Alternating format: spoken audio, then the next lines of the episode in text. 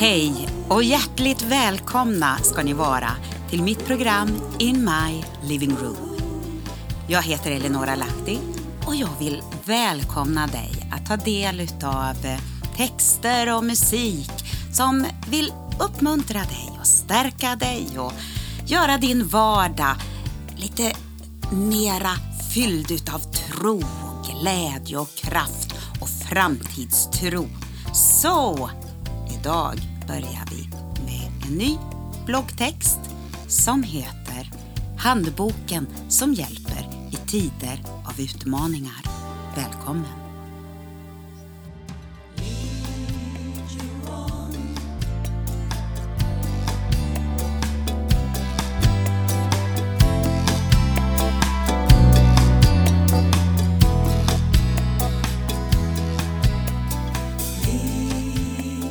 Sitter jag här hemma med mitt gipsade ben.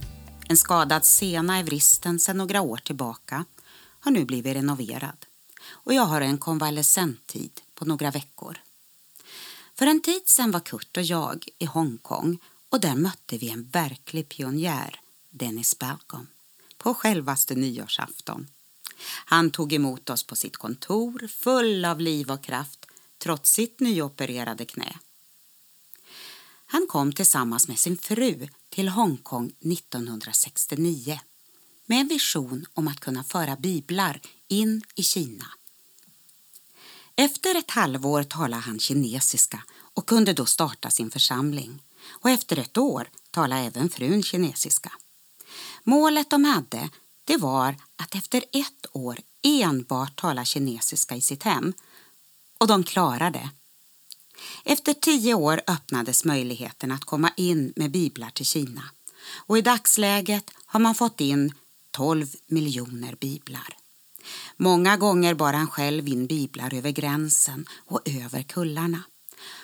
Och så visar han oss sitt nyopererade knä som varit med om lite alltför stora ansträngningar i det tuffa arbetet.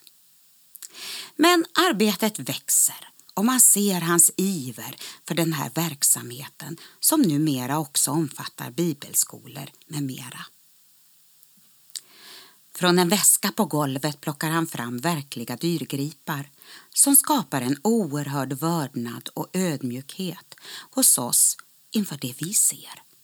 Det är handskrivna bibeldelar och handkopierade exemplar.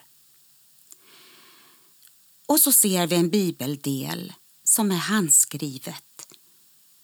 Ett exemplar utav Apostlagärningarna. Och det är skrivet på papper som på baksidan hade kommunisternas olika registreringar. För papper gick inte att få tag på under kulturrevolutionen på 60-70-talet. Så det här var det enda som fanns att skriva på. Så får vi se en intressant tecknad bibelbok som bara finns i ett enda exemplar. Men nu har man tryckt upp nya böcker så vi fick med oss ett exemplar hem. Det som är roligt att se det är bilderna. Hur man har avbildat Jesus och lärjungarna som kineser. Men å andra sidan har vi i vår kultur avbildat Jesus som europe i många sammanhang. Och så ser vi Dennis Balcom går runt i sina boklager och det är resväskor på hyllorna och de ska fyllas med böcker inför Donkeys for Jesus. Det sägs att flera av de urgamla kinesiska tecknen har symboler utifrån den kristna tron. Så i full kraft gav sig alltså Jesu lärjungar och apostlar sig iväg över land och över hav. När den helige Ande kommer över er ska ni få kraft att bli mina vittnen i Jerusalem och hela Judeen och Samarien och ända till jordens yttersta gräns. Apostlagärningarna 1 och 8.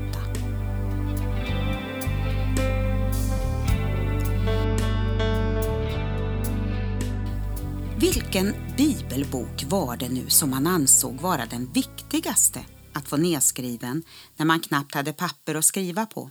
Jo, det var apostlagärningarna. Och nu har jag suttit här hemma med min opererade fot och läst apostlagärningarna och jag funderar, varför är den så viktig? Dennis Balcom berättar att bibelberättelser ur evangelierna, det kände kineserna väl till. Men Apostlagärningarna, det var en viktig bok i det skeende man nu stod i som underjordisk kyrka. Och nu tycker jag det passar perfekt med att spela en av mina sånger Now is the time. Det är dags för oss också i vår tid.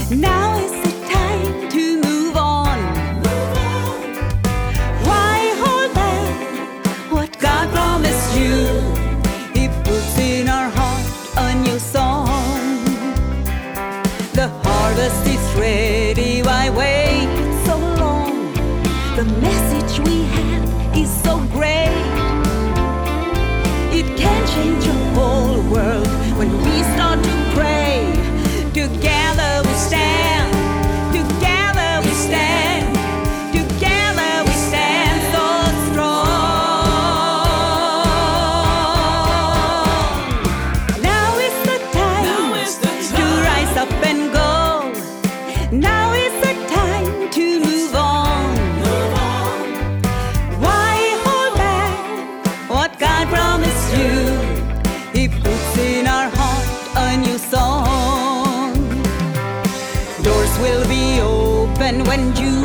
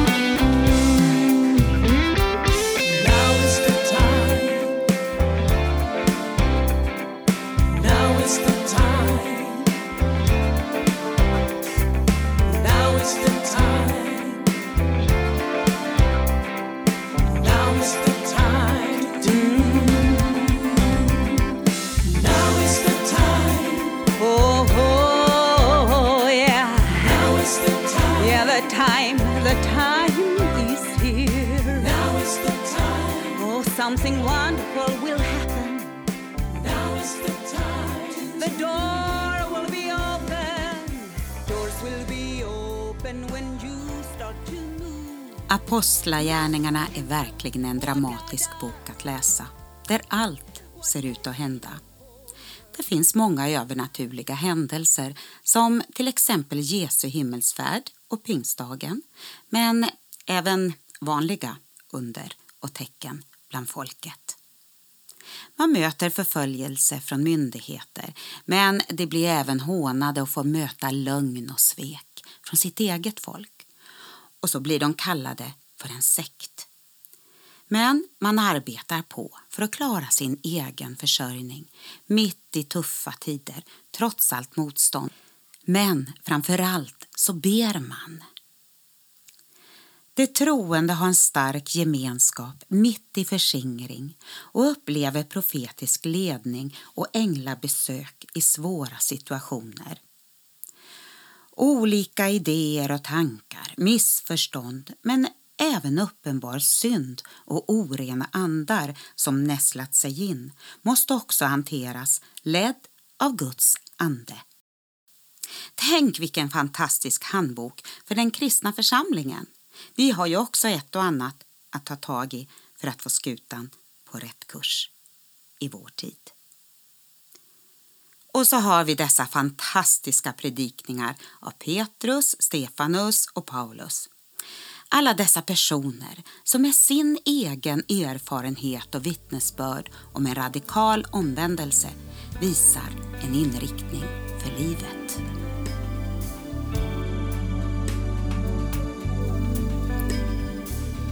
Jag blev inte olydig mot den himmelska synen utan jag har predikat först i Damaskus och i Jerusalem och hela Judeen och sedan ute bland hedningarna så att de skall ångra sig och omvända sig till Gud och göra sådana gärningar som hör till omvändelsen.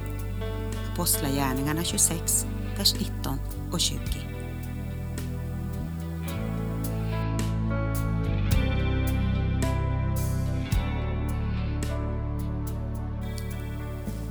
Vad är våra utmaningar i vår tid och i vår kultur? Ja, listan kan säkert göras riktigt lång för utmaningarna då gäller även i vår tids församling. Men det finns två berättelser som lite mera etsat sig fast i mitt sinne. Den ena är berättelsen om Ananias och Safira i kapitel 5. Man vill så gärna putsa på fasaden och göra sig själv lite bättre än man egentligen är och man är beredd att gå med osanning för att få den vinsten. Det där som andra inte känner till, men Guds ande vet. Och så dör de. Ja, det kallas visst för hyckleri. Så har vi flickan med spådomsanden i kapitel 16 hon ropade ut information om Paulus och hans vänner där hon utifrån sin andliga förmåga kunde plocka upp sanningar. Men denna orena spådomsande var inget de här gudsmännen ville ha att göra med. Även om hon sa att de förkunnar för er en väg till frälsning. En väg till frälsning. Så snarlikt och så förrädiskt. Jesus sa faktiskt Jag är vägen, sanningen och livet. Så det är skillnad på en väg och vägen. Det handlar om att vara ärlig och uppriktig, även om allt inte är perfekt. Och det handlar också om att känna till Guds ord i den här tiden när mycket nyandlighet florerar. Det handlar om att kunna skilja mellan andar, även i vår tid. Men tänk, vi, vi har hela Bibeln tillgänglig om vi bara såg potentialen. Och vi ska fortsätta skriva nästa kapitel i Apostlagärningarna.